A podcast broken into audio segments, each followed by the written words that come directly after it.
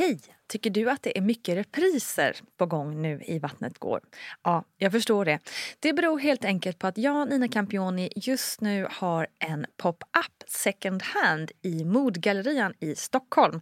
Så min tid räcker helt enkelt inte tid att göra så många avsnitt som jag hade önskat. Men tills jag är tillbaka på full tid, kom gärna och hälsa på mig i Modgallerian. Vi ses! One size fits all seemed like a good idea for clothes. Nice dress. Uh, it's a it's a t-shirt. Until you tried it on. Same goes for your healthcare. That's why United Healthcare offers a variety of flexible, budget-friendly coverage for medical, vision, dental, and more. So whether you're between jobs, coming off a parent's plan, or even missed open enrollment, you can find the plan that fits you best. Find out more about United Healthcare coverage at uh1.com. That's uh1.com.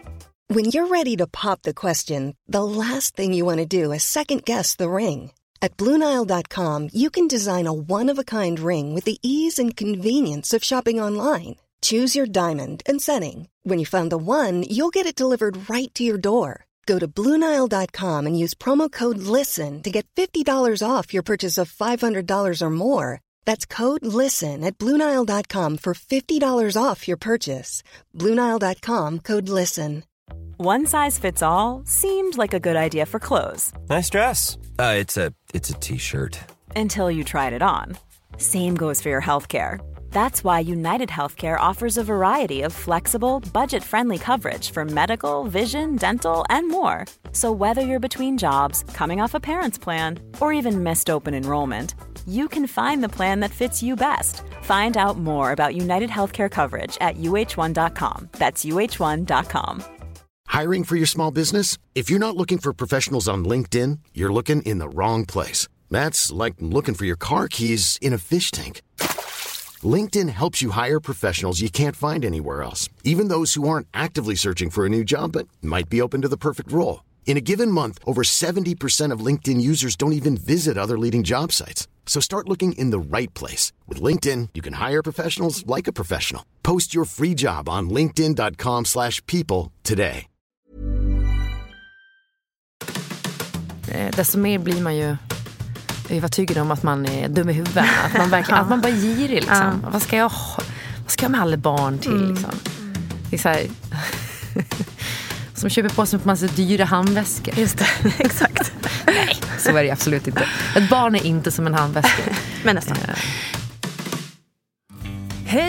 Hej, kära lyssnare och varmt välkommen till Vattnet går. Podden om graviditet och förlossning med mig Nina Campioni där jag ju intervjuar kända och mindre kända personer som har på ett eller annat sätt skaffat barn helt enkelt. Och innan vi drar igång på allvar så vill jag passa på att påminna om boken Vattnet går som ju är en perfekt julklapp till dig själv kanske, eller till din gravida kompis, din kusin, din partner, din svärson, din granne. Ja, till vem som helst egentligen. Boken är alltså en eh, klassisk gravidbok men som faktiskt riktar sig till alla som eh, är med på banan med att skaffa barn helt enkelt. Så partners och så vidare har också mycket att hitta i den här boken. Och boken har jag ju skrivit tillsammans med barnmorskan Gudrun Abascal. Så att den eh, täcker det mesta om man får säga det själv. Men hörni, släng iväg ett mejl till vattnetgar.gmail.com så kan du beställa den med en personlig hälsning och till ett eh, litet göttigt specialpris. Bra va?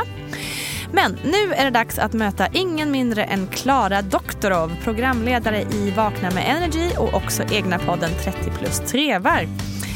Klara är också mamma till Betty och Sam och i det här programmet kommer vi såklart prata mycket om deras väg till livet men också om längtan efter fler barn, sex när man är gravid och det magiska med en riktigt bra epidural.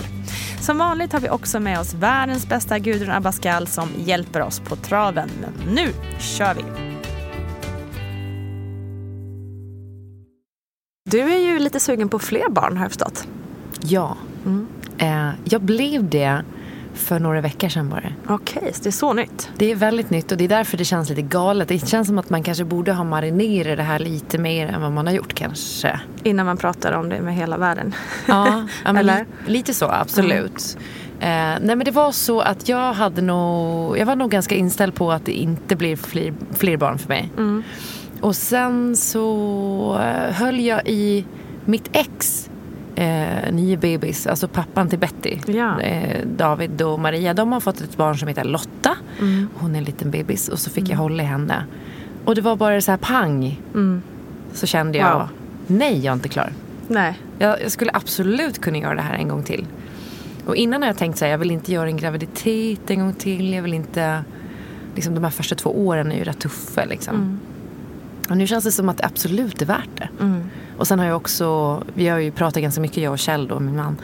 Eh, så har jag fått honom och eh, säga, eller skriva under på att han kommer att ta hela föräldraledigheten. Oh, Alltså från, Aha. från start. intressant. Ja. Och jag, i och med att jag är morgonradio så jag, jobbar jag ju mellan sex och tio. Mm. Så att det känns som att fyra timmar varje dag, eller varje vardag, Mm. det går att lösa. Eh, utan problem. Utan att jag känner att jag är borta jättemycket från min bebis. Modernt familjeliv. Mm. Love it. Ja men vad, okej, så men hur har han, hur har din man, har han varit med på, liksom på, tredje, på en trea eh, utan problem? Ja, alltså Alltså tre eller tvåa blir det för er då? Ska vi, eller- Våran, precis. Jag har då ni- en sjuåring, Betty, sen ett tidigare förhållande. Mm. Och sen så har jag och min man Kjell en tvååring som heter Sam. Mm, Just det. Så det här blir er tvåa men din tre. Fast ni, Min blir- trea, ni precis. kanske ni har alla tre tillsammans Ja. eventuellt då ibland. Ja, men Kjell kom in i mitt liv när Betty var tre bara. Så hon kommer typ inte ihåg en tid före Kjell. Eh, Så att för henne så är han också pappa liksom. Men nej, jag hade sagt i någon intervju att jag skulle absolut aldrig skaffa fler än två barn. Och så kom jag hem och så blev han, var han lite besviken över att jag hade liksom sagt det utan att vi aldrig ens hade diskuterat det. Och sen så ha- har vi pratat om det några gånger och då jag ändå varit ganska, var jag ganska säker på att nej, jag vill inte ha fler barn. Och då har man en tvååring nu. Perioden fram till två år är väldigt jobbig och kanske lite extremt extra jobbigt med honom för att han har så mycket skrikperioder. Men då um, så förstod jag på Kjell att han och kanske ville ha en trea mer än vad han vågade säga till mig för han ville inte känna att han pushade mig. Så när jag sa jag kan tänka mig en trea då sa han bara ja men vi kör.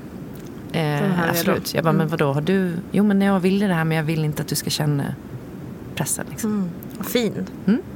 Verkligen. Så nu är ni i modet let's do it. Eller? Ja, Mm. det är vi absolut. Och det, jag har aldrig planerat barn förut. Mm. Eh, Det är helt nytt för mig. Och jag trodde att, alltså det var ju härligt när man tog beslutet så kändes det så romantiskt. Och, Mm. och kanske första gången man låg för att eh, få ett barn så kändes det romantiskt. Och sen så får man bara panik av att Gud, att tiden går plötsligt. Ja, eller liksom så, och den där första mensen som kom. Alltså nu har vi Mm. verkligen hållit på jättekort tid. Men den första mensen som kom eh, och man bara känner symptom. Bara för att man tolkar Just de här. PMSen som, som gravidsymptom. Och, eh, just eftersom jag inte har planerat tidigare utan det bara har hänt och jag aldrig riktigt har förstått hur. Första var ju spiralbarn som jag fick när jag hade spiral. Och den andra bebisen, då Sam, vet jag inte heller riktigt hur, när eller alltså det gick till. Eh, Men nu när man verkligen försöker så är det som att det är det mest osexiga man kan göra. Att liksom producera ett barn i en bebisfabrik. Och man bara så här, okej var tredje dag, ah, nu måste vi, okej upp bara, upp på mig, kom igen, in med den bara. Ja, det är fruktansvärt osexigt. Det, jag håller med. Och det kan jag ju ändå säga, nu har inte vi eh, försökt på så vis. Men däremot så har man ju ibland i småbarnsåren så här, fan vi måste ju bara ha sex för att vi måste ju ha det någon gång. Ja. Gör det bara. liksom. Eh, och det är inte heller särskilt sexigt. Så jag kan Nej. förstå känslan när man, när man måste för en annan orsak. Fast det, jag har varit ganska mycket förespråkare för det här. eh, Vi, vi har liksom onsdagsligget. Att vi försöker ligga varje onsdag. Man försöker tio minuter. Är man inte liksom kåt efter tio minuter. Då kanske man avbryter det. Liksom. Men det händer väldigt sällan att man inte blir kåt när man väl har liksom, ja, Börjat, börjat på. ja, man ska självklart inte ha sex om man eh, känner att det är obekvämt när man har liksom kommit in i det. Men eh, den där först, första tröskeln, mm. liksom, bara man tar sig över den så glider nej. det på sen. Håller Men med. det tycker jag har varit liksom lite sexigare. Mm. Det här är bara, det känns så, som som att man är en, en, en gris som ska insemineras i en spilte. Ja. Så här, man bara väntar på att någon ska komma med den här långa... Liksom, ja, Sexigt. ja, Ja. sådär. Mm. Nej, jag fattar.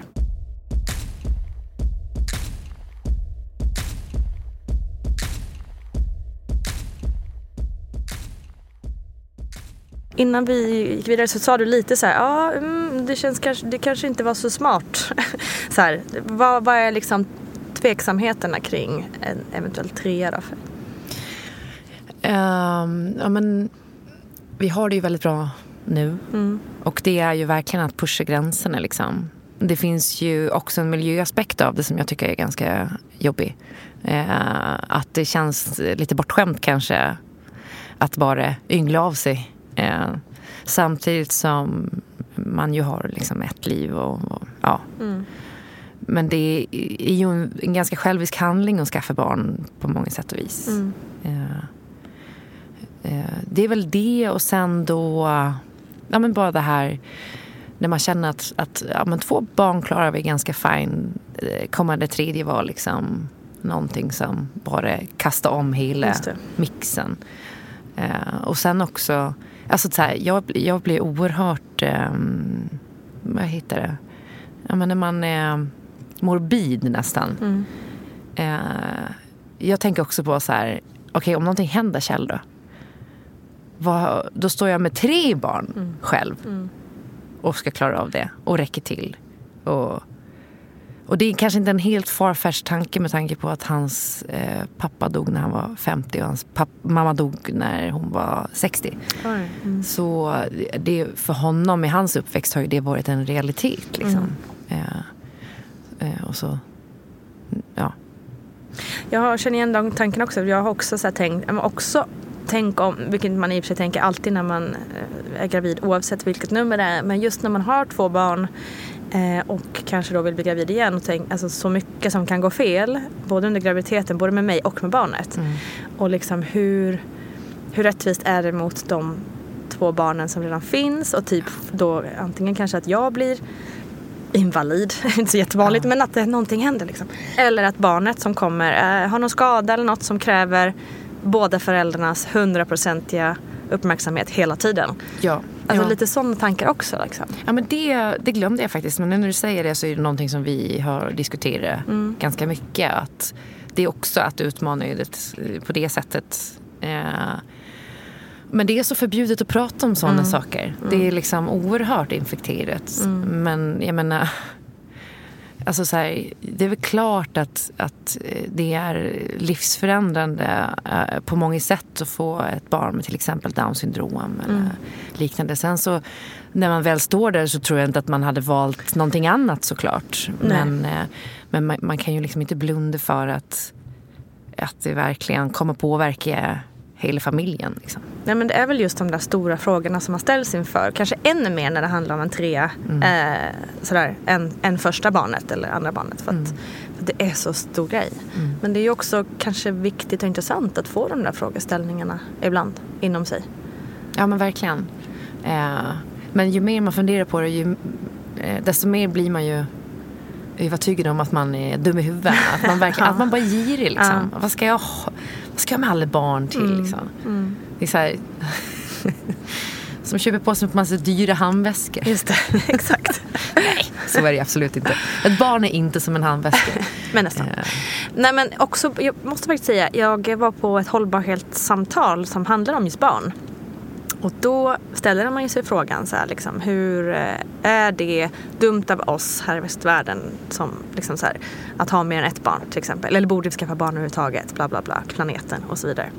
Eh, och då sa en kvinna där som var forskare kring både kultur och hållbar, alltså nu kommer jag inte ihåg hennes titel, ursäkta. Men hon hade ett bra svar. Och då var det liksom, okej, för det första så är vi människor satta på den här jorden, vilket håll man än tror på det, eh, för att föröka oss. Alltså vi- det är livscykeln. Ehm, så hon var så här, in, hon var absolut inte emot flera barn. Hon tyckte att det, det är helt rimligt att skaffa fler barn för det är det vi vill och det är det vi inom oss känner att vi vill göra. Ehm, Och sen så var hon mycket så här, men man kan ju tänka vettigt när man gör det. Att man behöver kanske inte köpa en ny barnvagn hela tiden. Man kanske inte måste, alltså så här, och speciellt när man har ett tredje barn, då har man ju alla de där grejerna oftast. Kanske om man inte har gett bort eller så. Mm. Men man har ju, man behöver kanske inte köpa så mycket nytt heller. Nej, precis. Och det är oftast det som gör att det blir väldigt mycket, alltså så här, hållbarhetstanken att man ska ju hela tiden ha så mycket grejer. Ja. Och det, Eh. ja, men det inser man ju verkligen. Mm. hur mycket man inte behöver ha. Man behöver ha så oerhört lite Eller hur? Verkligen. eh, till ett barn. Mm. Eh, men, och sen, jag råkar ju vara ihop med, med Blocket-kungen. Liksom. Han, Ja, du ser. ja, men så, det, jag hinner inte ens lägga ifrån mig en pryl så åker det nu på Blocket. Mm. Direkt. Eh, så att, så här, jag tror typ nästan inte att vi har kvar någonting. Och ha- hade... Men då kommer han ju hitta sina, det ni behöver på Ja. Blocket också. Ja, ja det det är sant. Såklart, det Ja. blir en fin cykel. Ja. Men det hade varit himla skönt för att man eh, bara haft kvar allting. Men han är inte en hoarder som Ja, jag. men sen bor man ju i lägenhet och sådana grejer också. Så att, eh, Nu börjar ja, det låta som honom. Det Varför, varför har ni liksom gadd ihop er mot mig?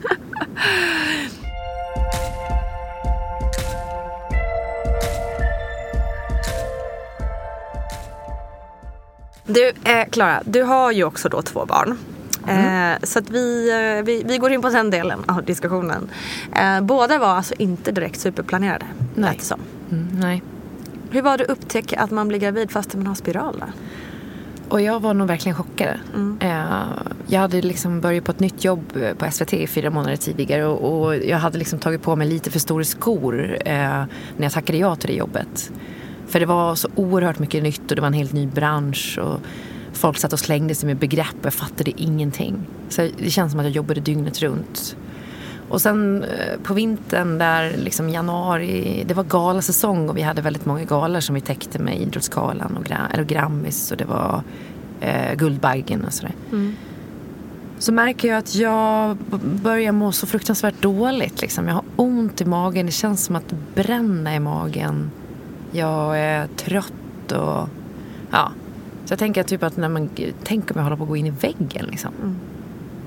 Och så hade jag mått lite illa och känt, men jag trodde typ att jag hade ett magsår. Eh, för jag hade ju spiral. Och sen så eh, tänkte jag, men jag har bokat tid hos min husläkare men jag tar ett gravtest. För de frågar alltid om man är gravid när man säger att man eh, mår illa. Och jag hade fått mens. Jaha, okej. Jag hade en blödning.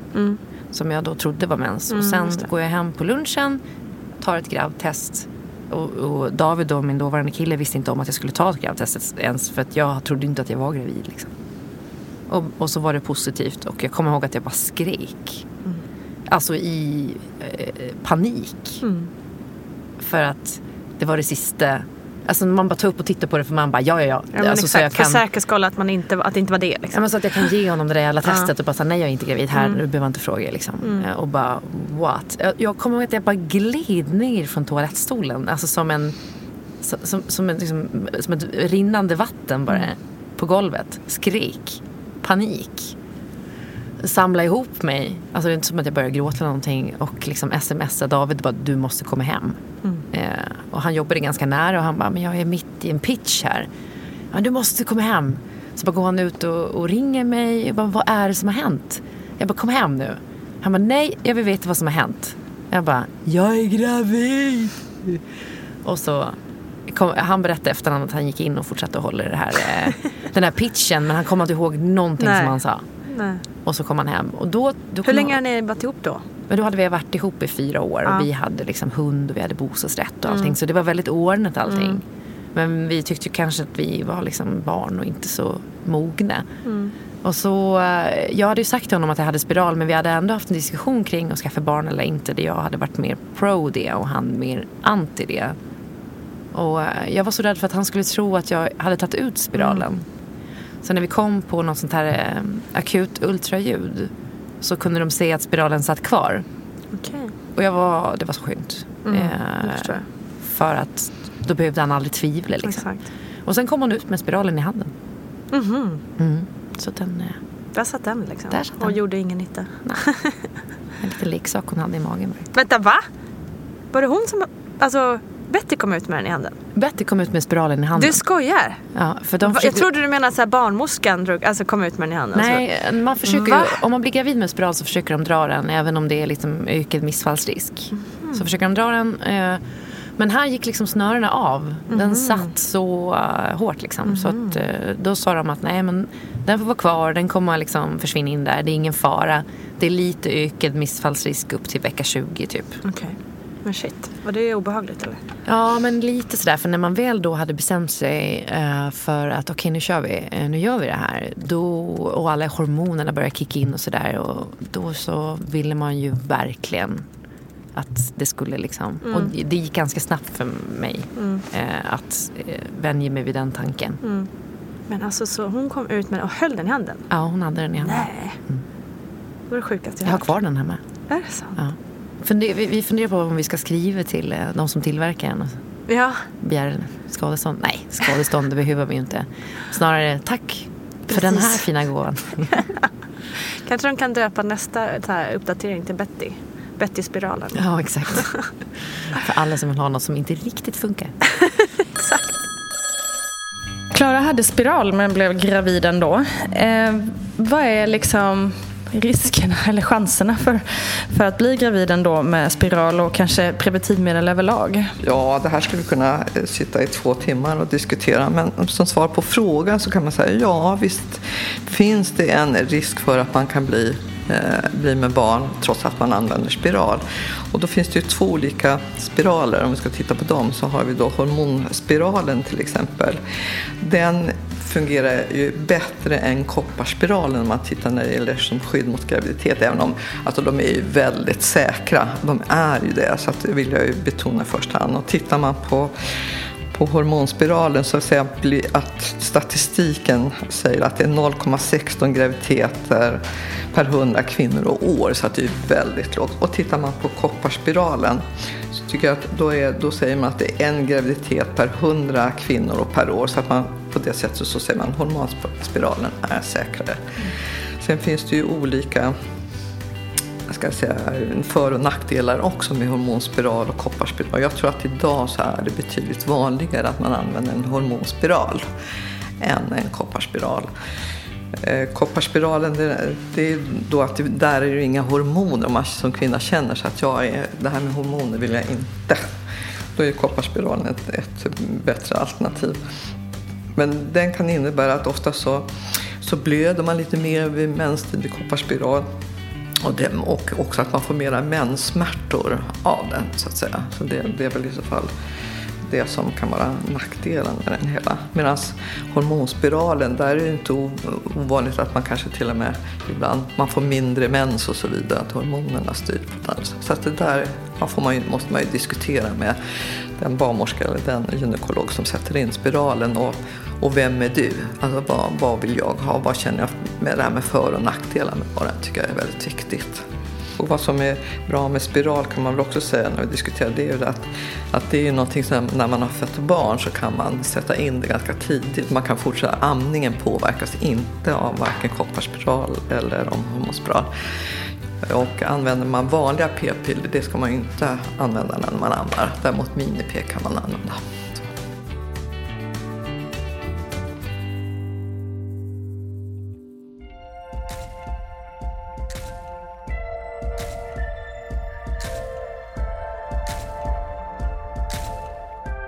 Jag födde ju på eh, BB Stockholm. Ja. Ehm, och jag kommer ihåg eh, innan, för det, jag gick ju över två veckor och två dagar. Jag blev ju igångsatt sådär, när man har, det gör man väl efter 14 dagar eller något sånt där. Men innan Det är så, olika olika landsting. Men här i Stockholm. Tydligen, ja. Nej men eh, så någon kväll så hade jag, det var, jag var så bedrövad och det gjorde ont och allting och, och så tänkte jag men vi måste åka in och kolla nu liksom. Så tar vi en taxi in och så är det en, en eh, man, manlig läkare som som gör en undersökning och eh, han, han, var så här, han var lite äldre. Liksom. Han kändes nästan som att han var s- s- pyttelite dement nästan. Gör en undersökning på mig på, på vanlig liksom Danderyd. eh, Det här var nog inte BB Stockholm utan det andra. Och så eh, samtidigt som han håller på och gör den här undersökningen så börjar han prata om bara så här, ja men har ni testat färdknäppen? Och då har han liksom händerna inuti mig eh, och känner liksom på om jag är öppen och sådär. Jag bara, mm, hur tänker du nu? Eh, och så diskuterar han lite om det där och sen så, så här, efteråt tar jag på mig byxorna och vi tar en taxi hem och David bara sitter i taxin och är så här, "Fa- vänta här nu, betalade vi typ 600 spänn taxitur tur och retur för att du skulle bli pullad av en gammal gubbe? Gud. Var det det som hände? Han bara, fan. ja jag tror det kan ha varit det som hände. Absolut. Ja, det var lite galet. Mysigt. Men sen så i alla fall så födde vi på BB Stockholm.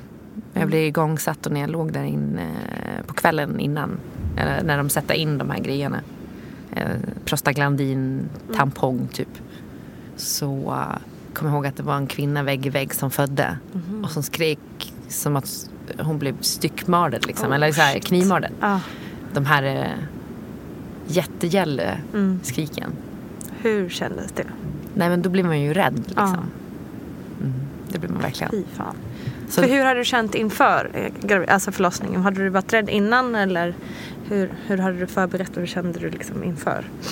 Eh, jag hade nog ett lite för stort självförtroende tror jag. Jag tänkte att eh, för i min familj så eh, har typ ingen fött med epidural.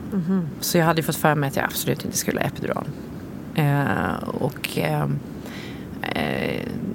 man har fått barn ganska tidigt.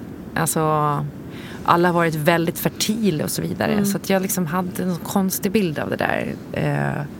Eh, och hade skrivit i förlossningsbrev. Som by the way, alltså så här, nu eh, efter andra barnet inser jag vad ett förlossningsbrev ska vara. Jag tycker att eh, det förlossningsbrevet som man skriver är eh, i många fall kanske stjälpa en kvinna, tyvärr, än att det, det hjälper. Framförallt inför första. Hur menar du då? Eh, eller jag kan ju bara ta det som är mitt exempel där. Att eh, om man som jag är, är lite världsfrånvänd och tydligen inte känner sig själv så väl. Att man har kanske, man tror att man ska vara på ett visst sätt när man föder barn. Och Man har ingen jävla aning. Och så skriver man det där brevet och så börjar de gå på det. Det. Och så har man kanske inte en, en bra kommunikation med barnmorska och så vidare. Eller i mitt fall, jag var ju inne under så lång tid för att jag blev igångsatt och det drog ut på tiden. Så det kändes som att, ehm, ja, det var svårt för dem att gå ifrån eh, förlossningsbrevet. Eh, och jag hade nog också, liksom, alltså så här, det enda man vet när man ska föda sitt första barn är att man inte har en jävla aning. Just det. Och ehm, det, det är ju det läskiga med det. Alltså om jag skulle läsa mitt förlossningsbrev idag så tror jag på riktigt att jag skulle vilja... Nej men, det är, det är fruktansvärt. fruktansvärt pinsamt. Och så här, om hur man är som person. Typ så här, jag, jag är någon som har ganska lätt för att gå in i min egen fantasi. Och jag har ju rätt eh, hög smärttröskel. Fuck you. Nej. Ja, Ja. igenkänning. Alltså när du skrev ditt andra förlossningsbrev, eller skrev du någonting då? Eller tänkte du att det här är meningslöst? Eh, nej men jag hade ett mentalt förlossningsbrev. Eh, för jag fick liksom typ den uppgiften från den barnmorska jag hade då. Eh, att om jag ville kunde jag skriva ett. Så jag sa att så här, men jag, jag har ett i huvudet och sen så pratade jag med Kjell så han vet ungefär Ja, vad jag det. vill. Liksom. Just det. Och jag hade ju såklart i mitt första förlossningsbrev skrivit att jag eh, absolut inte ska ha epidural Nej. och eh, jag skulle liksom andas mig igenom alla verken och sådär. Men så blev jag igångsatt och så eh, drog det ut på tiden och så kom det in en läkare som utan att jag riktigt förstod vad som hände tog min, eh, alltså gjorde hål på hinnorna. Och då fick jag liksom som en, en enda stor jättelång verk, verkstorm eller vad de kallar det för.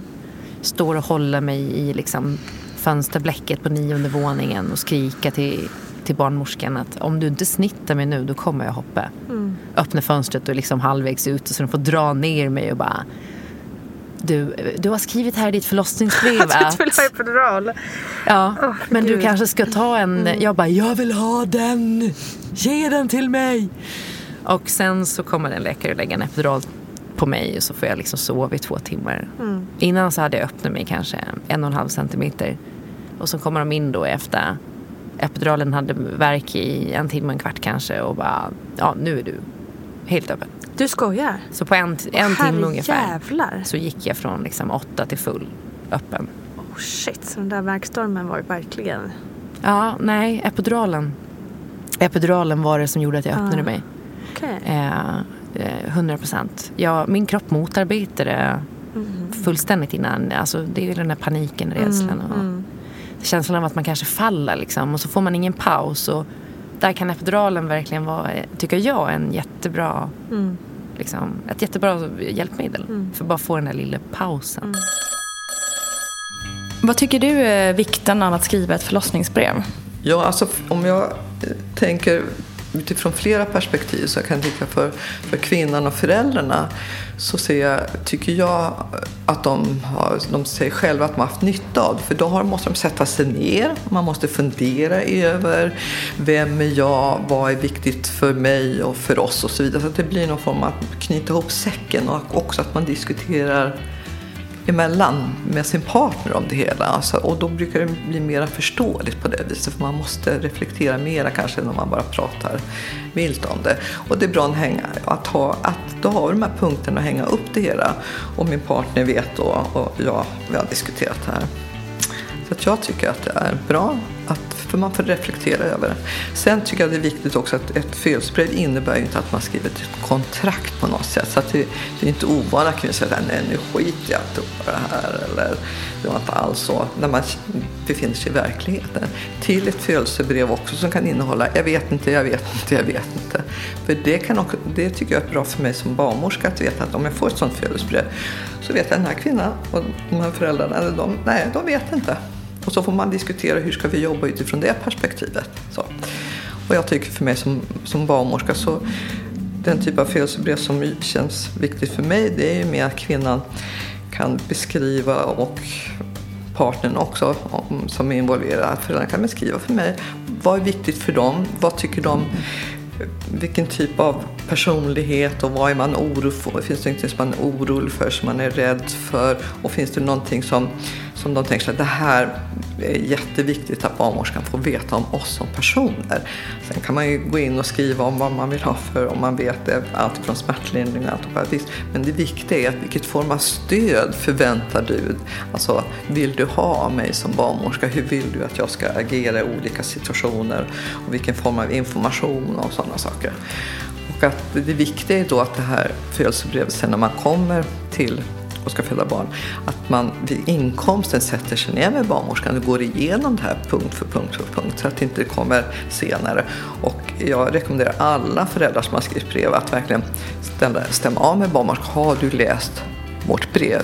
Och sedan och så säga att man okejar det, att nej, det här gäller fortfarande. Och det kan man ta upp kanske några timmar senare. Gäller det fortfarande som står i brevet? Vad innebär en verkstorm? Ja, det är ju för, för, alltså, för mycket verkar. Och vi säger normalt så har man då fem verkar på en tio minuters period. Mer ska man inte ha.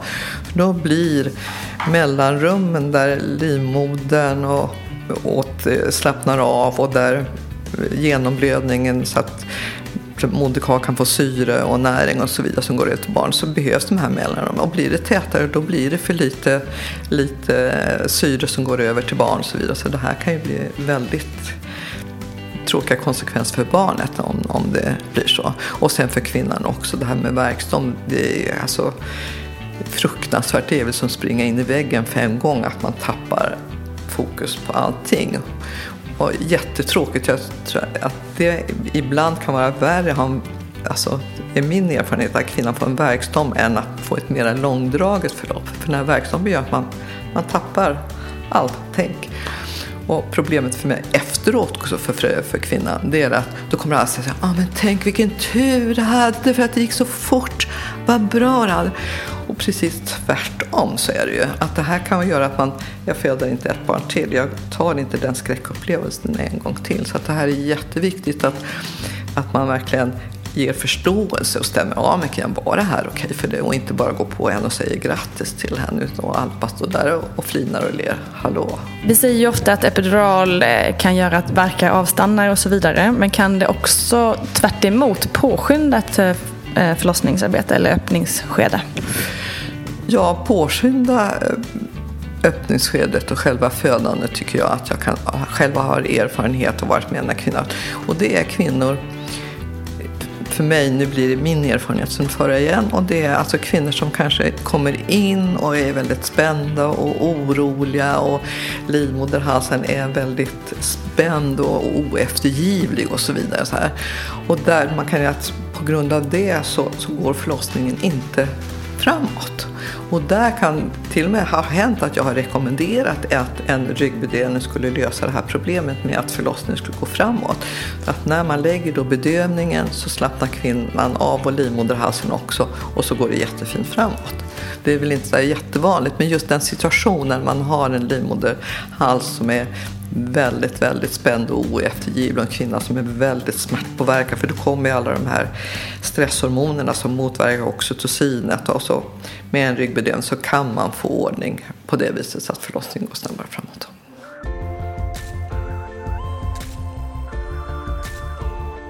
Var, men under epiduralen och när du öppnade, då, kände du någonting då? Eller tog den bort all smärta? Nej, den tog bort allt. Mm. Så då kunde jag sova en timme. Så jag sov en timme. Och sen var jag öppen. Fullt. Jesus då var det liksom lite sådär paus. Vi lät epiduralen gå ur kroppen. Och sen var det bara att börja krysta liksom. Mm. Och sen är andra förlossningen så kom jag in och var så här, shit, jag kan inte, jag, det här kommer inte gå. Jag, då ville jag ta ett bad men sen drog det ut på tiden och så sa jag direkt, jag bara, okej, okay, jag vill ha en epidural. Direkt nu, jag mm. behöver den nu liksom. Och barnmorskan var så här, då, då födde vi i Visby, jag älskar Visby, förlossningen i Visby är underbar. Um, och så sa hon, hon bara, ja, jag kommer få svårt att få igenom det här för du är liksom typ bara en och en halv, två centimeter öppen. Så mm. det kommer vara jättesvårt att få igenom det här. Men jag ska försöka och prata med min, liksom, med överläkaren. Mm. Och så uh, kom hon in då fem minuter senare och bara så här, fan jag, jag tjatade. Men eftersom det är ditt andra barn så jag, jag, jag tror dig. Att du vill ha epiduralen. Mm. Så, så han kommer att göra det. Och så la han epiduralen och så sov jag en timme och sen var jag öppen 10 centimeter. Nej! Så det verkar vara Men min... herregud, det är din grej. Min grej. Jesus Christ. Ja. Gud vad jag säger Jesus Christ hela tiden. Som att jag har sett ett avsnitt av Sons of Anarchy. Men det var så skönt också när jag sa till henne innan att så här, okej okay, det som kommer hända om jag får epiduralen är att jag kommer öppna mig. Och hon bara, ja, ja eftersom det är ditt andra då. För, hade det varit första barnet hade de ju inte trott mig. Då vet nej, man ju inte om nej, det hade varit så heller. Men, men andra, och det var så skönt att hon stod upp för mig mm. mot den här överläkaren. Mm. Och sen var så här, typ dagen efter var så här, jag har gått runt och berättat för alla om det här. Alltså. ja. Det är så häftigt. Ja. Men vad galet. Ja, vi ger inte epidural när man är så lite öppen för då, det kan ju vara att det tar ut, ja, dröjer, ja. processen tar längre. det är ju det vanligaste som de säger eller upplever, att det bara förlängs. Jösses. Min mamma, när hon födde mig så var det lite samma sak. Det drog ut på tiden liksom och så blev hon inlagd för hon, de bodde så långt från sjukhuset så hon fick sova över. Mm. På den tiden var det ju inte platsbrist. Liksom. Och då gav de henne en sovcocktail. Just det. Och sen vaknade hon en timme senare och då var det krystvärkare. Så att... Nej men herregud. Ja, men det just... ligger någonting i släkten där. Men jag tror också så här, bara att få mm. slappna av eh, och liksom ja, när man sover. Annars är det som att kropp, för mig, eller psyket, allting bara motarbetar mm. det som håller på att ske. Mm. Man spänner sig, man, mm. man tror att man slappnar av men man kanske inte riktigt gör det. Mm. Och när man sover då gör kroppen sin grej liksom. Men hade du, just i och med att du hade då på ert förlossningsbrev tänkt att du skulle eh, andas igenom och si och så. Hade du gjort några så här, hade du gått någon här, yoga eller profylax eller någonting inför? Så du hade teknik för det eller vad du kände med att du, tro, du tänkte att du skulle kunna fixa det själv? Liksom? Ja, alltså eh, första barnet så tänkte jag ju eller jag ville nog gå på någon förlossningskurs men jag fick inte riktigt med min eh, kille. Mm. För att vi hade haft kompisar som fick barn bara någon, några månader innan. Som hade gått på någon kurs som var liksom väldigt så här, men det var någon som hade Alltså hon, eh, barnmorskan hade pratat om att så här, det är viktigt att ha en målbild under förlossningen. Att man tänker på att man får barnet i armarna. Mm. Liksom. Mm. Så var det en pappa som hade räckt upp armen och bara så här, men om barnet dör då, vad händer med min målbild då? och eh, barnmorskan bara, ja, då kanske du har lite andra saker att fundera på och oroa dig över. än vad som hände med målbilden. så det var han så här, eh, mitt ex han bara, jag kommer inte gå på en sån här förlossningsprofylaxkurs eller vad det är. Så eh, och det var ju också så sen, vi hade inget riktigt samarbete han och jag under Nej. förlossningen. Eh, jag gav honom en uppgift och det var att med, liksom, mäta tiden på mina verkar och sen när jag bara, okej okay, hur lång tid är det nu? Han bara, vadå? Så, så sitta och spela mobilspel. Liksom så här, you had one job, kom igen. Ett enda jobb hade du. Eh, förutom då, han var väldigt rolig under förlossningen och mm. det gjorde ju väldigt mycket bra. Eh, alltså humor mm. hjälper mycket. Mm. Men eh, nej, eh, jag hade lyssnat på jättemycket avslappningsband. Jag hade läst alla böcker som fanns mm. på ämnet. Och jag höll på, jag la väldigt mycket tid på det kan jag säga. Men jag tror att eftersom det började fel med att jag var tvungen att bli igångsatt och jag gick över tiden så var det som att de här eh, strategierna fick aldrig riktigt komma in i, spel. Liksom. Eh, för jag kunde inte justera. Och det är det jag menar med förlossningsbrev och sådana grejer. Jag kunde inte justera liksom, ja, min taktik eller min målbild till omständigheterna riktigt.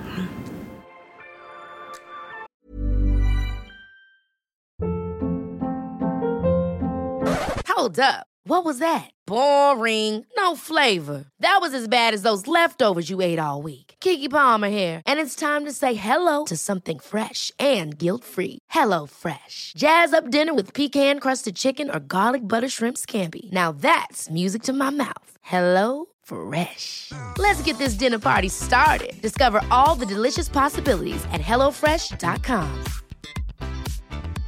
A lot can happen in the next three years. Like a chatbot may be your new best friend. But what won't change? Needing health insurance. United Healthcare Tri Term Medical Plans are available for these changing times Underwritten by Golden Rule Insurance Company, they offer budget-friendly, flexible coverage for people who are in between jobs or missed open enrollment. The plans last nearly three years in some states, with access to a nationwide network of doctors and hospitals. So for whatever tomorrow brings, United Healthcare Tri-Term Medical Plans may be for you. Learn more at uh1.com. Hey there, it's Michelle Norris. I'm host of a podcast called Your Mama's Kitchen. When I travel, I'm usually looking for a way to find a taste of home when I'm not at home. And one of the things I love to do when I am at home is entertain. And Airbnb allows me to do that. When I was in California recently, I rented a house that had a great kitchen. And when we were sitting around the table, we we're all thinking, we're in someone else's house. Someone could be in all of our homes as well. If you have a home, but you're not always at home, you have an Airbnb. Your home might be worth more than you think. Find out how much at airbnb.com/slash host. Hey, it's Ryan Reynolds, and I'm here with Keith, co star of my upcoming film, If, only in theaters, May 17th. Do you want to tell people the big news?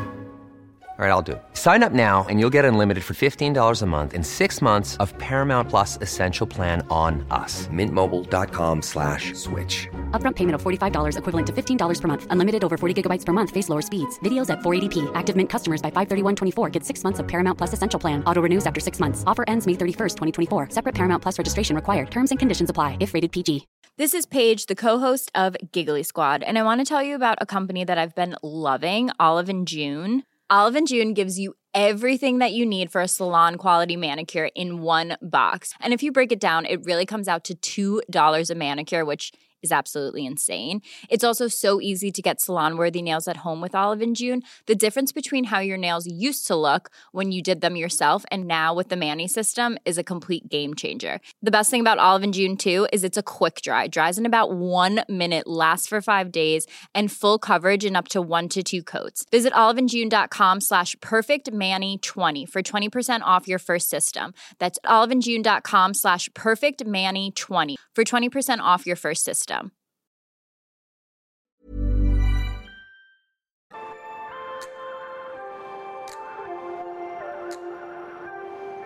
I och med att din första reaktion där när du blev gravid eh, var så liksom ah, panik. Hur, men hur gick ni från hur gick du från panikkänslan till att jo men vi gör det här? Liksom? Jag... Ähm, ähm, den första jag ringde var ju såklart äh, David då. Och sen var jag ändå tvungen att åka till jobbet efter jag hade då liksom tagit det här testet. Och vi hade eh, Idrottsgalan i Globen så jag satt i en taxi på väg till Globen. Och liksom la in en snus under läppen. Eh, och bara, nej just det. Tog ut den igen liksom. Och så ringde jag min syster. Och hon fick sitt första barn när hon var 20 och sitt andra barn när hon var 23. Och jag var, vid det här laget var jag 26. Jag skulle hinna fylla 27 då innan jag fick eh, mitt första barn. Men jag kände mig så oerhört ung och jag var ny på jobbet och allting. Och så berättade jag för henne att eh, jag precis har fått ett positivt gravidtest och att jag är i chock liksom. Mm. Och hon var väldigt bra att prata med där och var så här, men oavsett liksom, vad du beslutar dig för så, så, så kommer det bli bra. Liksom. Och, och om, om du väljer att, att gå vidare i graviditeten så kommer du klara det utan problem. Och det var väldigt skönt att höra det. Mm. För just då så tror jag att vi hade också tänkt att vi, vi var öppna för liksom möjligheten att avsluta graviditeten. Och det fanns en tid bokad för det. Okej. Mm. Ehm, och så åkte jag iväg på någon slags eh, kurs med Måns Zelmerlöws mamma av alla. Som höll i någon slags retorikkurs. Det var jättemärkligt. Under en sån ledarskapsutbildning och hur man så här, ska prata som chef. Typ. Ja, ni förstår ju att jag kanske inte är en jättebra chef med tanke på hur jag... ja. Eh, nej men så, jag var liksom tvungen, hon var en av de första jag var tvungen att berätta att jag var gravid för. För att jag mådde ju ganska illa så jag Just kunde det. inte vara med på alla aktiviteter. Så så här, min syrra, Måns Zelmerlöws mamma eh, och David som visste innan någon annan visste. Eh, nej men sen eh, så sov jag på det där på kursen och sen kom jag hem efter och så kom... Nej men jag ringde David från kursen och sa jag tror inte att jag vill eh, göra en abort. Mm. Eh, jag vill nog gå vidare med det här. Och eh, då var han så här, han bara, men vi kör. Mm. Jag tror att han... Han ville mest känna att jag kände att jag var liksom, på banan. Mm. Ja. Och det blev bra. Bra val. Ja, det är en underbar unge. Mm. Livet hade liksom varit fruktansvärt tråkigt utan henne. Ja, såklart. Vi hoppar tillbaka då till förlossningsrummet. Mm. Du är alltså öppen 10 centimeter efter att ha sovit lite Mm. gött där. Eh, och vad händer då? Ehm, då började ju krystvärkarna. Jag kommer ihåg att det var som man... Eh, man jag mullrade så här. Så liksom. Varje krystning. Och sen så... Kom det naturligt eller hade du hört innan att man skulle mullra just så? Eller kom det Nej, ljudet det kom av sig helt, själv? Det kom helt naturligt. Mm. Det är liksom som att ett väsen tog över mig. Mm. Eh, men det var liksom det enda jag kunde göra var bara den. Eh, och sen så skulle jag testa lustgas. Eh, nej förlåt, det hade jag gjort innan och kräks av jag. Eh, det kräktes jag ner i. Okej. Nej men så eh, krystvärkarna börjar men det liksom går inte framåt. Mm. Och det känns som att eh, Betty liksom kommer inte ner ordentligt i förlossningskanalen eller hur det nu är. Eh, och eh, då, då säger de att vi, de måste tömma min blåsa. Mhm. För jag har ju liksom inte gått på toa som jag Mm. borde ha gjort. Och vi har ju varit där så lång tid och så. Och jag blev skitarg. Alltså jag bara, vad fan ska ni i det hålet att göra? Nu får Av ni alla ge hål. Ja, men alltså, så här, Kan inte vara vi- ett håll i fred. Ja, men kan vi fokusera på, precis, kan vi fokusera på hålet det gäller här? Mm. Och då har jag liksom inne och eh, bajsat på mig och allting. Så här, Mm. Det händer ingenting. Hon kommer inte ut. Och så stoppar de ner en sån här eh, kateteraktig grej. Och sen så var det som att de bara, ja nej, här var det liksom en och en halv liter urin jävlar, ja. som satt i vägen. Ah. Eh, och innan det så, det här vet jag inte för det här märkte inte jag själv. Så hade det, de hade till och med tagit in en läkare som stod runt hörnet för skulle inte hon komma ut på liksom Mm. nästa kryssning så skulle de ta mig på akutsnitt. Okej, det var så pass. Ja, Mm. eh, för då hade det gått för lång tid liksom. Mm. Vet du hur lång tid det hade tagit? Nej, men jag tror också att man började se eh, på hennes eh, hjärtljud. Mm. Eller något. Alltså det var... ehm, och det står liksom i journalen också. Eh, och eh, David säger att han såg eh, läkaren runt hörnet Mm. liksom. Eh, stå och vänta. Mm. Men efter vi hade då tömt urin... Men skönt att du, att, du, att du inte märkte det. Alltså, Nej. slapp känna den. Nej, det var, de, de var faktiskt väldigt proffsiga Mm. tycker jag. Där. Ehm, det var, alltså, den enda negativa egentligen erfarenheten jag har är ju att jag blev igångsatt och då att man var tvungen att vara inne så lång tid. Mm. Eh, för det är ju ganska skönt att vara hemma Mm. så länge man kan såklart. Men eh, nej, men tre kryssningar så kom hon efter urin Shit, så det var det där som satt i vägen alltså. Ja, det var bara det. Så då var det bara tjoff, tjoff, tjoff. Och barnmorskan bara nej, nej håll emot nu, håll emot, du får inte. Och jag bara, jag, jag, jag måste, jag måste. Så här, jag dör om jag inte kryssar nu. Mm. Så var bara så här, kän, känslan av att så här, det måste ske. Och det hände andra gången också. Mm. När barnmorskan bara här, du kommer spricka om du... Håll emot nu, nu håller du emot, håll emot, håll emot. Jag bara, det går inte, jag måste. Eh, andra gången så gick det ju lite bättre så då fick jag bara sy ett stygn. Men första gången var det lite mer, men det var inte Mm. farligt. Alltså Nej. det var inte... De flesta eh, sprickorna jag fick var ju sådana som är liksom invändigt så, Mm. inte i... Just det, inte mellan så att säga. Nej. Mellangård. Det är bra. Mm. Men eh, hur var det att, att få ut Betty? Alltså, hur kändes det när du såg henne första gången? Med spiral i hand. Ah. oj, det var ju verkligen... Uh, alltså jag... eh, jag var i chock. 100% chockad bara. Mm.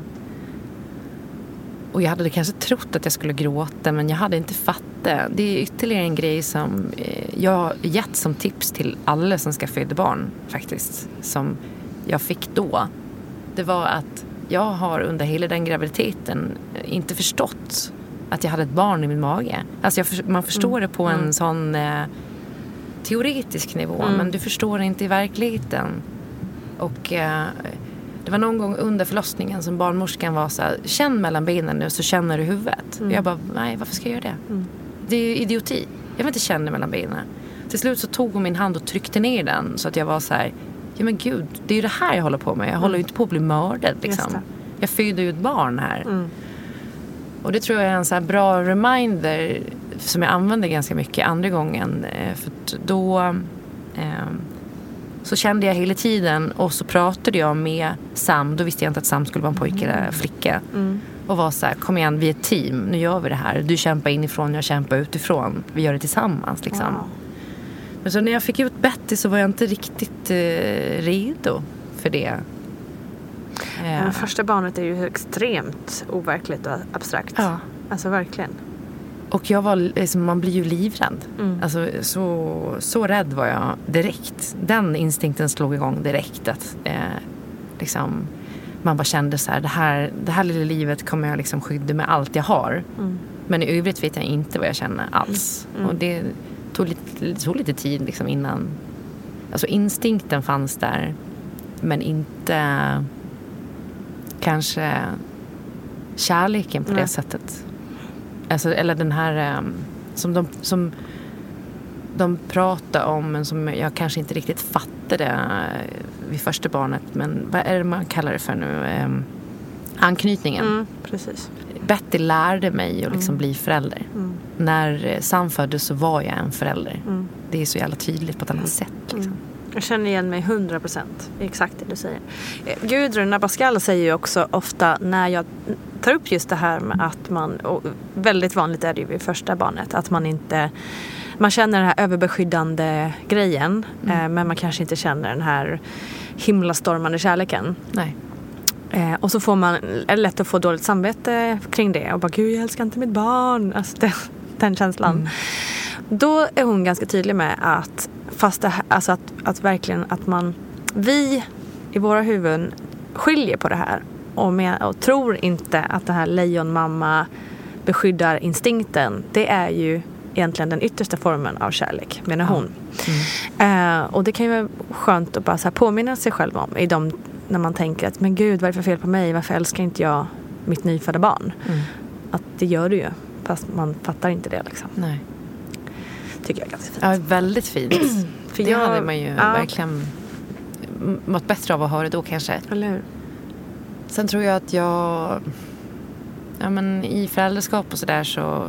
Jag kommer från en familj med, med pedagoger. Mm. Jag har aldrig haft så eh, liksom, dåligt självförtroende som förälder riktigt. Eh, det kanske kommer komma. Jag tror att jag kommer vara en sämre tonårsförälder. Vad skulle det vara det för?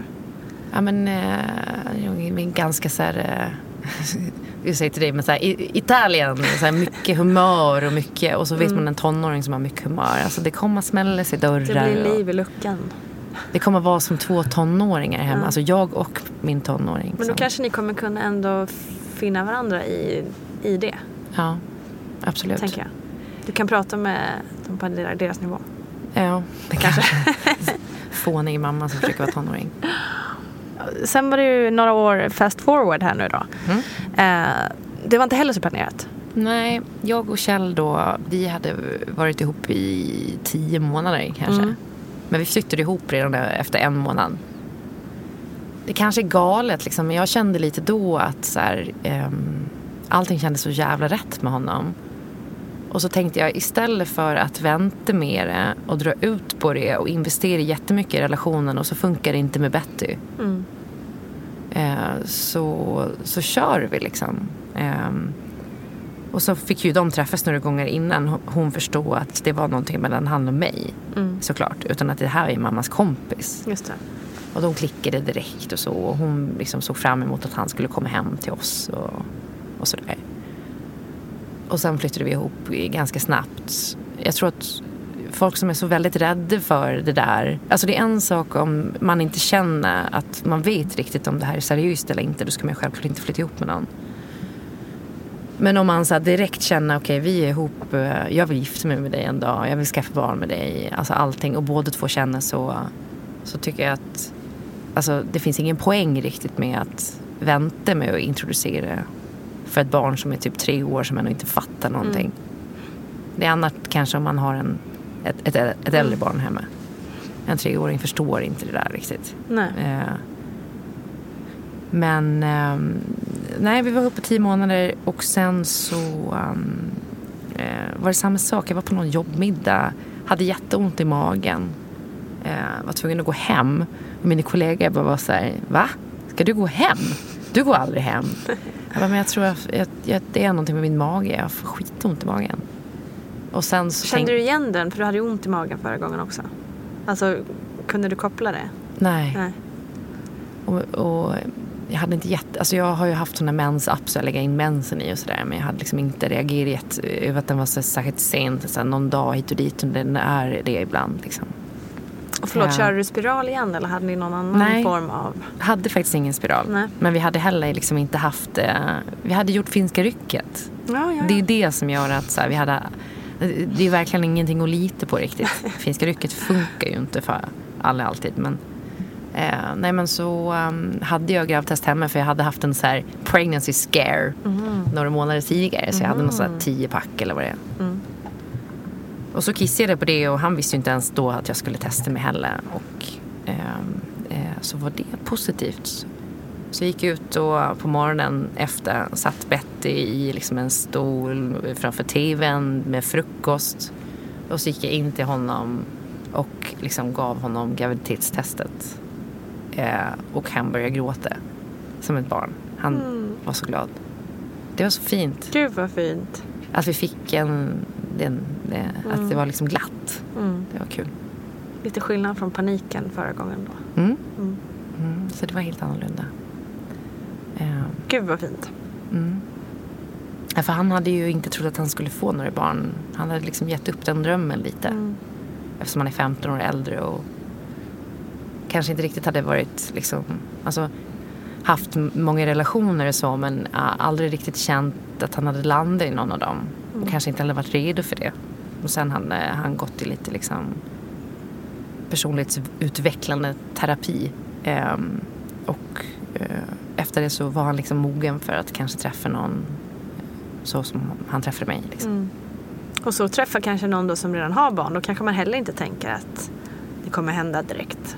Nej men precis. Och jag tror att det var lite det att han så här, ja, men om det bara är du och jag och Betty så är jag ju supernöjd liksom. Mm. Eh, det här blir liksom bara som världens bästa superbonus såklart. Mm. Men det är liksom ingenting jag förväntar mig eller begär. Så. Fin man. Mm. Hur är det att vara gravid tycker du då? Eh, Första gången så gick jag på myten att äta för två. Så då var det inte så kul eftersom jag också gick över. Så jag blev så oerhört tung i kroppen och knäna gick sönder och sådär. Mm. Gick inte upp jättemycket i vikt så men eh, blev liksom tung. Eh, andra gången så tyckte jag att det var, förutom att jag blev väldigt, väldigt trött så tyckte jag att det var väldigt härligt. Eh, och åt som en normal människa. Eh, och eh, tog hand om mig bättre. Ja, hade en annan inställning tror jag. Mm. Eh, det, och det låter så jävla töntigt och så här, eh, säger till folk att vara lite käcka men ehm, nu, alltså, istället för att se det som en sjukdom som har drabbat en, för det gjorde jag första gången. Andra gången försökte jag att inte tänka så för jag liksom ville inte gå in i en nio månader lång svacka. Mm. Och då tyckte jag faktiskt att det blev lite bättre. Man försökte liksom köra sitt liv som vanligt Mm. och inte bara liksom ligga i soffan med en chipspåse och tycka synd om sig själv för att man inte får vara ute och dricka glas vin typ.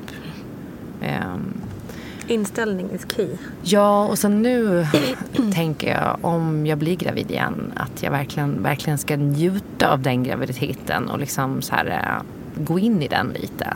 Eh, för att det med största sannolikhet kommer bli min sista. Mm. Tillåta sig att pausa lite kanske. Ja men verkligen. Och bara Mm. så här, alltså inte ha FOMO i nio månader Mm. eller längta efter det där första glaset vin. Det kommer man ju längta efter ändå. Men, men ehm, Ja men kanske inte göra så stor grej av det. Jag kan känna att det är en väldigt stor grej. Just det där vinet. Mm. Att det, det tjatas det väldigt mycket om tycker jag. Ja. Så här, åh gud, saknar dig så mycket. Alltså vet, så här, ja, visst det kan man ju göra. Men är det verkligen så här. Är det verkligen det jobbigaste? Ja, men jag tror att eh, det, det var mer så eh, Första gången förut, eller när man var yngre Mm. kanske. Mm. Ja, eller, kanske jag vet inte, kanske inte heller är så här ålders... Nej, men jag håller med. Det är en grej som... Alltså, det- det var skönt ett tag när det var att man omvärderade liksom mammarollen ganska mycket. Och plötsligt så var det okej att vara lite sopig ibland. Mm. Och man behöver inte vara den där Just bullmamman. Och man skrev liksom inte som det första man gjorde på sin Instagram att jag är mamma till. Utan Nej, man, är, man, Man är är- mamma men man mm. är massa andra Men man jobbar med det här och man är liksom. Ja. Men nu tycker jag nästan att vi ibland liksom, eh, tippar över i att så här, eh, det retoriskt pratas kring moder, alltså mamma, mammaskap, vad heter det? Mödraskapet och, eller föräldraskapet också såklart. Jag tycker att pa- pappor har lite samma liksom, jargong. Med, eh, och graviditet som att så här, det är så fruktansvärt och det är så Mm. hemskt och det är så jobbigt. Och du har fuckat upp ditt liv nu, du kommer aldrig få tillbaka ditt liv. Mm. Eh, Ja, det- f- Precis, för det är lite det jag menar med vinet. Att det, är så här, det är ju fine om man säger åh gud det vore så gött med en öl nu. Det har jag också tyckt. Ja. Men det känns lite som att det blir en jargong som du säger. Att man så här, säger det för att man ska. Ja. Så här, för att det låter lite coolt. Typ. Precis. Åh, jag vill dö, jag vill dö, jag vill ha ett vin. Okej. Ja. ja, men jag håller med till Alltså 100 lite så. procent. Och, och, och så blir det liksom, vet, inte så fräscht. Nej, jag håller med. Jag tänkte ett, och, och det är också så här, man vill ju inte skuldbelägga heller. Det är här det blir så svårt. För att det var, ett tag så eh, sa jag väldigt mycket eh, och hade det som liksom min, mitt eh, budord i mitt föräldraskap. Att så här, okej, syr, syrgasmasken på först. Mm. Om du mår Mm, bra, mår, dina barn bra. Mm. Men det är verkligen någonting som det är så lätt att gömma sig bakom Mm. hela tiden. Mm. Att eh, tänka att så här, jag mår bra av att skita i de här familjeaktiviteterna. Eller jag mår bra av att sitta här med min telefon och Mm. parkera mina barn framför tvn. Alltså så här, det är klart att det är helt okej. men, men, eh, men när man börjar använda det hela tiden som en ursäkt för att man bara är en jävligt shitty parent. Mm. I, det, I det träsket var ju jag. Och i det träsket var jag också när jag gnällde över min graviditet. Mm. Att så här, ja det är fan jobbigt men vad, f- du, du får ju liksom ett barn. Mm. Håll käften och bit ihop lite. Så, så länge man inte liksom ligger och har så här, total foglossning. Eller liksom, Nej men det är ju en annan sak såklart. Liksom. Ja, man, kan, man kan ju må skitdåligt och man kan ha Ja. symptom som gör att man inte kan komma ur sängen. Liksom. Men när man har en helt normal Precis, det är ju, exakt. Det är ju där, det är där vi är inne och gnäller på lite nu. Att man Ja. liksom eh, nästan stoltserar lite med, ja. med att det är så jobbigt. Ja, jag vet inte. såklart. Alla, alla känner ju naturligtvis olika för man har olika smärttrösklar kring olika saker. Men eh, ibland kan jag känna att retoriken är lite Mm. tramsig nästan.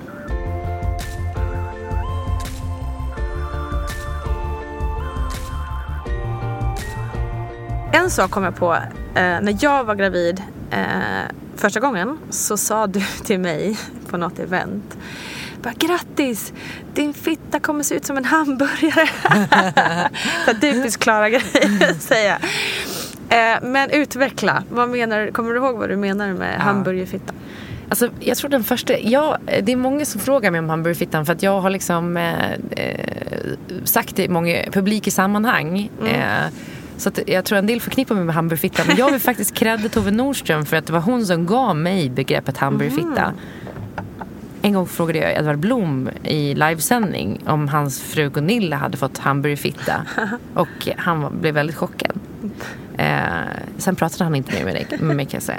Nej men hamburgerfitta är ju då i slutet av en graviditet eller precis efter förlossning. Man har ju en oerhört mycket tyngd ner till, liksom det trycker neråt, trycka på. Samtidigt som du har oerhört mycket blod i kroppen. Du får ju flera liter extra blod i slutet av en graviditet liksom, i, för att klara förlossning och så vidare. Och så är du svullen av vätska. Och det är helt enkelt när eh, fittan börjar puta ut så att blygdisarna blir liksom som en liten sallad. Och sen om man tittar med en spegel så ser det ut som en riktigt full smockad hamburgare. Liksom. Med sallad och Med sallad och allt. Ja. Everything. Everything on. Mysigt. Mm. Ja men det, det var ju kul att höra när man precis har blivit gravid där. Eh, Ja, men den går ju bort. ja, Men man exakt. måste nästan så här, i slutet av en graviditet bara ta, ta den där checken. Det är ganska spännande. Det är nog väldigt få som gör tror jag. Jag gjorde inte det Nej. kan jag säga. Eh, och det här är faktiskt, nu kommer en erkänning, erkänning, helt fel ord. Men första gången jag ens tittade på eh, mitt underliv i spegel var på liksom efter, eh, vad heter det, andra, alltså återbesöket hos barnmorskan. Ja. Det var första gången i mitt liv. Och det var ju så här. För hon bara, ska vi titta? Jag bara, ja. Jag vet liksom egentligen inte varför. Det är inte så att jag har varit eh, superpryd eller rädd. Eller, ja, kanske rädd då. Mm. Eh, för hur det ska se ut. Men så bara, gud vad fin den är. Var min, det var min första känsla. Jag bara, gud så sjukt att Ja. jag då var 36 år. Ja. Aldrig sett min egen eh, fiffi. Snippa, slida, Ja. vagina. Hur sjukt? Men då har du inte varit så här att du bara, vad är det jag känner här? Vad ska kolla vad det här är för någonting spännande? Nej, men Nej, nej. aldrig. Ja. nej men jag tror det är jättevanligt. Ja, Alltså, det, det är inte som att det. man så här men det är lite galet. liksom- Det är konstigt egentligen med tanke är- på... Ja fast det är, det är inte som att man borstar tänderna, man kammar håret och man kollar fittan. Alltså det är inte en daglig aktivitet Nej, så. men det är ju ändå någonting som påverkar otroligt mycket av sin vardag. Ja. Allt från mensen till liksom flytningar till Mm. eh, alltså innan man ska ligga med någon första gången. Var ska den in någonstans? Bara en sån fråga liksom. Ja, ja det är fan Ja. sant. Jag undrar när man gjorde det första gången. Jag kan inte ens komma ihåg. Nej. Vi kanske ska uppmana alla som lyssnar Ja, att ta det. fram en spegel idag och Det en bara bli kompis med din lilla, Mm. din kompis så att säga. Ja. Jag måste för övrigt säga eh, innan vi avrundar att eh, på tal om att den blir svullen. Mm. Eh, min, eh, min fiffi blir ju så svullen och jag har liksom alltid blivit ganska sugen av det.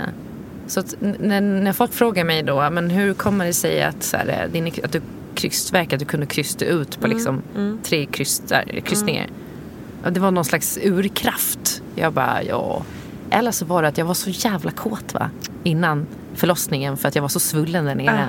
Så jag liksom, och jag blev sjukskriven för att det, jag fick problem med ryggen. Så det enda jag gjorde var att ligga hemma och pilla på mig. Så, så här, och när man har fått liksom tre orgasmer om dagen då har man väldigt bra Shit! Du bäckenbottenmuskulatur. Vi måste lägga till lite mer tid på det här programmet.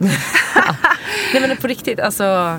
Bara, man Wow. behöver verkligen inte ha sex med sin partner om man inte tycker det är så himla kul eh, i slutet av en graviditet. Då känner man sig ju inte så här kanske Nej. rå sexig liksom.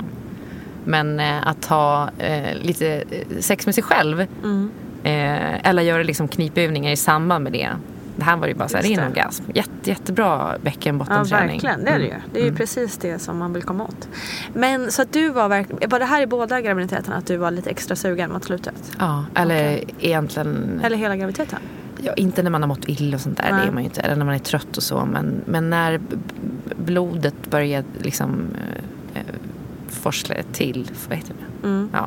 Det, då hände det något, ja. Coolt. Det, det, Det här är faktiskt något vi inte pratat om alls tror jag i den här podden. Och det är ju egentligen lite en myt. Att, eh, eller så här, jag har tänkt att det har varit mycket mer en myt som män har hittat på. Att kvinnor blir sug, liksom mer sugna när de är gravida. Mm. För du är också den första som har liksom, eh, själv tagit upp det kanske. Det är Mm. det, man kanske inte pratar så mycket om det själv. Men det är ju eh, jävligt intressant att det kanske, för som sagt jag har sett det mer som en, så här, eh, männen som hittat på den här grejen. ja. Typ.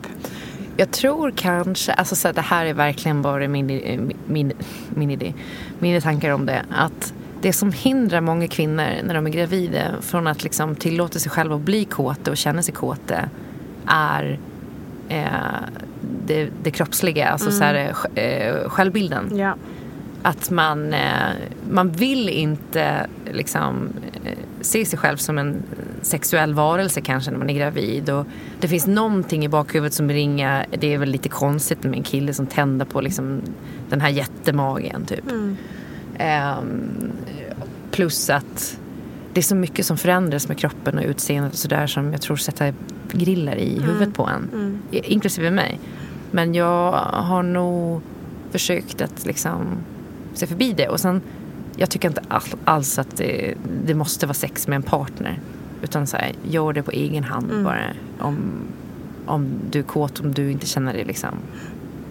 Men det hade varit häftigt om fler tjejer bara kunde se bort ifrån sina liksom, fysiska varelser där och bara gå in i liksom, kåtheten. På samma sätt som det är jättetråkigt att ligga med någon som liksom bara tänker på hur den ser ut hela tiden. Ja exakt. Istället för att personen ger sig hän. Och att eh, kvinnors sexualitet är jättemycket kopplad till eh, eh, bilden eh, alltså, de omkring har på en. Den man ligger med. Dens bild av en. Att så här, hur ser jag ut utifrån sett? Det är liksom det är där sexualiteten bottnar och det är ju helt fel. Alltså det är ju, men deras sexualitet bottnar bara nästan till 100% i är jag kåt, är jag inte kåt. De skiter i liksom, hur de ser ut. Eh, det förändras ju också såklart men i, i en helt liksom, kvinnor tänker på sitt utseende i en helt annan utsträckning. När det kommer till sex. När det verkligen kommer till kriten, när kläderna ska av. Än vad killar gör. Killar vill ha för sig och jucka på. Ja, Ja, det ska vi också göra. det ska vi verkligen Ja, göra. verkligen. Att en kvinna blir mer kåt under graviditeten, är det en myt eller finns det någon sanning i det där? Jag har träffat flera stycken som har berättat om det. ja, faktiskt. Som, så att, så att det här hör ju också hela spannet från dem som att de får reda på att de, nu ska vi få barn, inte vill ha samlag på hela tiden. Till också de kvinnor som, som där det blir tvärtom. Ja, en, faktiskt hon är, till, hon är barnmorska också som, eh, som berättar att framförallt under hennes första graviditet så, så blev hon så kåt hela så fort hennes man kom hem varje dag så slet hon in honom och nu måste vi! Och det var tjong pang bom och så skulle hon ha sex varje, i princip varje dag. Och eh, ja, så att det där finns nog, ja det finns nog både och. Fast jag tror att det kanske inte är så jättevanligt. Men visst att det är en och, och otrolig hormonställning. Men det var, eh, så jag blir varje glad jag tänker på vilken lust hon hade faktiskt. Och den lusten har aldrig varit så stor mer än när hon var gravid. Att hon ville ha sex absolut varje dag. Och gick det så säkert flera gånger om dagen också om det var, om det var möjligt. Så.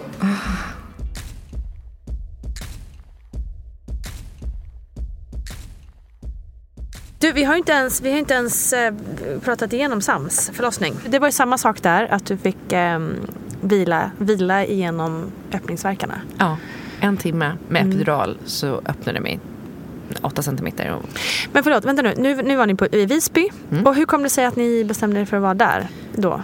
nej men eh, jag blev gravid, det var ju inför den famösa liksom, sommaren 2017 när alla, nej 2016 var det. När det var så här, det kommer bli kris. Så då sa barnmorskan här i Stockholm att ja du är från Gotland, har ni ställe på Gotland? Ja, då bokar ni in er på förlossningen där. Ah, okej. Eh, och sen bara typ någon vecka efter jag hade bokat in mig, det här var när jag var gravid i liksom tredje månaden, då var det fullt. Herregud. Eh, nej, fjärde, ja, jag vet inte, skitsamma. Men, eh, så, och jag är väldigt glad över det. För det var väldigt som, gemytligt och familjärt att föda på Gotland. Mm. Men hur lång Eh. tid i förväg var ni på Gotland då? Ja, men vi var där från eh, eh, första juli och jag födde den eh, 16 Ja. tror jag han fyllde år. Mm. Ja. Ja, men han skulle ha kommit eh, den 17 egentligen. Mm. Nej, han skulle ha kommit den 23. Ja, skitsamma. Det roliga var att eh, när vi kom in var vi ensamma och dagen efter så var det fem födslar. Mm. Så vi hade ju våran barnmorska liksom. Nu var det inte så många timmar vi var där. Men, eller som vi födde. Det gick ju väldigt fort. Mm. Eh, Men den här gången blev du inte igångsatt i alla fall då? nej. Och hur började det? Ja, jag hade haft några sån eh, förlossnings... Liksom, eh, jag trodde att det var igång. Och hade sagt det till Kjell och han tyckte att jag hade liksom, ropat varg några för Mm. många gånger. Så nu tänkte jag så här att nej, men nu kommer jag inte göra det fler gånger förrän jag vet säkert. Och så på morgonen så såg jag att jag bara, var det där lite slempropp? Nej, jag vet inte. Alltså det är svårt också när man bor i en strandbod och man kissar på en gräsmatta. Liksom. Man har inte så bra koll. Eh, och så vi höll på och målade och fixade och donade och så på kvällen så var jag så här, men vi ska gå på eh, checka avsmakningsmeny på Lilla Bjärs som ligger liksom eh, några hundra meter från där vi har sommarställe. Eh, och han tog vinpaket och satt och drack vin. Och jag kände liksom, eh, när vi kom dit var allting fine men sen så började det liksom mola. Och det blev bara värre och värre och värre. Och personalen börjar komma och liksom, hur är läget med dig? Och Kjell sitter typ och dricker vin och sitter på Instagram och bara... Och jag vågar inte säga till honom att så här, ja, men nu är det nog på riktigt. Ja. Och jag kommer ihåg att jag vid ett tillfälle gå iväg och sätta mig i en lång korridor med stolar och bara sitta liksom och vagga. Och personalen är så här, alltså ska vi ringa till, alltså är det på väg att hända nu eller? Eh, och Kjell bara, men han fattade ingenting. Och sen till slut jag bara, nej jag är ledsen Kjell men, men nu, nu händer det. Nu Ja. är det. Han bara, nej. Jag bara, jo nu, nu händer det. Personalen bara, "Eh, jag tror du ska lyssna på henne. Eh, jag tror, vi tror hon har rätt. Så jag får med mig så här, desserten i en påse till Bibi. eh. Och Kjell lite lagom rusig eller? Ja, eh, Eller, eller nyktrade han till direkt? Nej, jag kunde, han fick ju köra. Han fick så att han, eh, han körde, han, hade, han var ju inte onykter liksom. Han hade kanske hunnit dricka två glas vin på en och en halv timme. Men, Mm. men han körde på det, ja. Mm. För att jag kunde inte ens eh, sitta ner i bilen utan jag stod liksom i framsätet med armarna runt stolsryggen. Gud alltså. Ja, Det är en bra story. Det är det. Och hur, hur öppen var den när ni kom in då?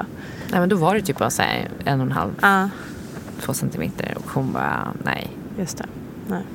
Det här kommer att ta tid. Jag bara, fast ge mig en epidural så ska vi se till att det... Att, det, att det hände något. Ja. Men när du då var öppen 10 centimeter, hur var kryssningsfasen sen då? Ja, men ganska likt den första, bara det att jag då gjorde det med att jag kände på huvudet och jag kände mycket tydligare att jag visste varför jag var där. Mm.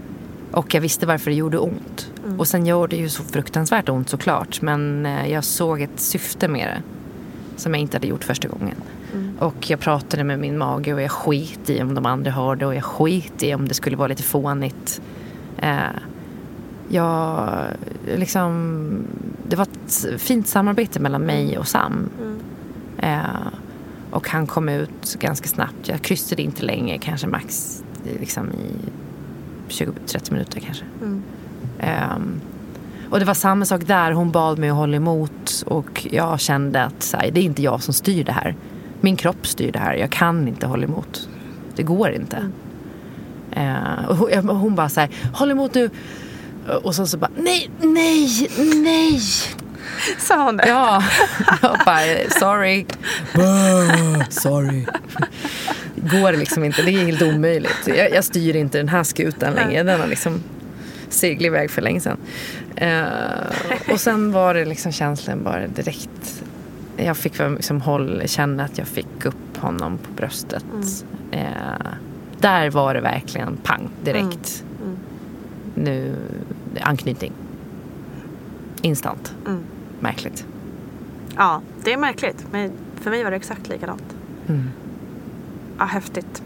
Eh, Du, eh, som avslutning, har du något tips till eh, liksom, överlag, vad som helst till någon som lyssnar på, på programmet? Tips eller råd?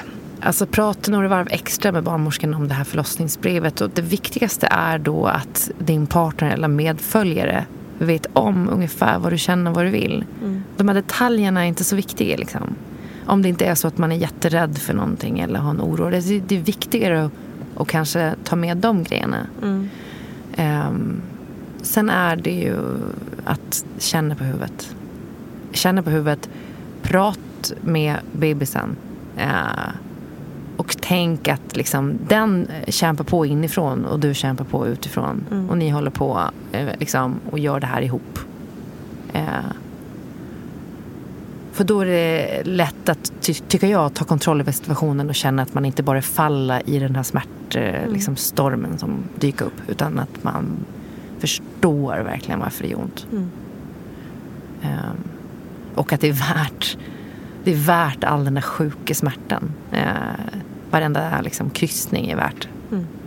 Um, och det, det kommer en belöning där.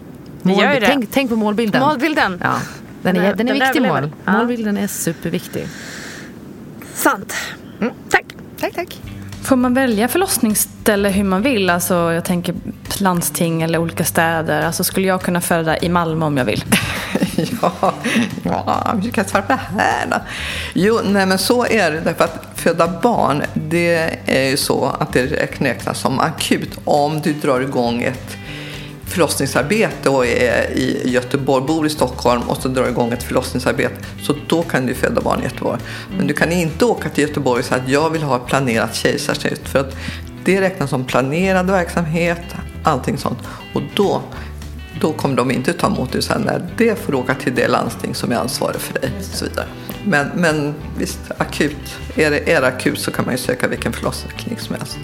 Men man får räkna med att är det annat man behöver hjälp med som är planerad kejsarsnitt eller planerad vård så att säga, då får man vara där man bor. Och om man inte har givit något, man kan skicka remisser ibland och liksom få hjälp den vägen, men det är mycket mer omständigt. Så visst går det om det är väldigt viktigt. Och, och vissa säger ja, vissa säger nej. Tusen tack Klara Doktorov för din tid och dina otroliga insikter. Jag vill också passa på att tacka dig lyssnare som jag verkligen hoppas lyckades hänga med i alla svängar som det här samtalet tog oss. Missa nu inte Vattnet Gårs nyhetsbrev och mammagruppen på Facebook och Instagram och alla andra platser. Och ja, beställ nu din bästa julklapp ever på vattnetgar.gmail.com. Kram på er, vi hörs!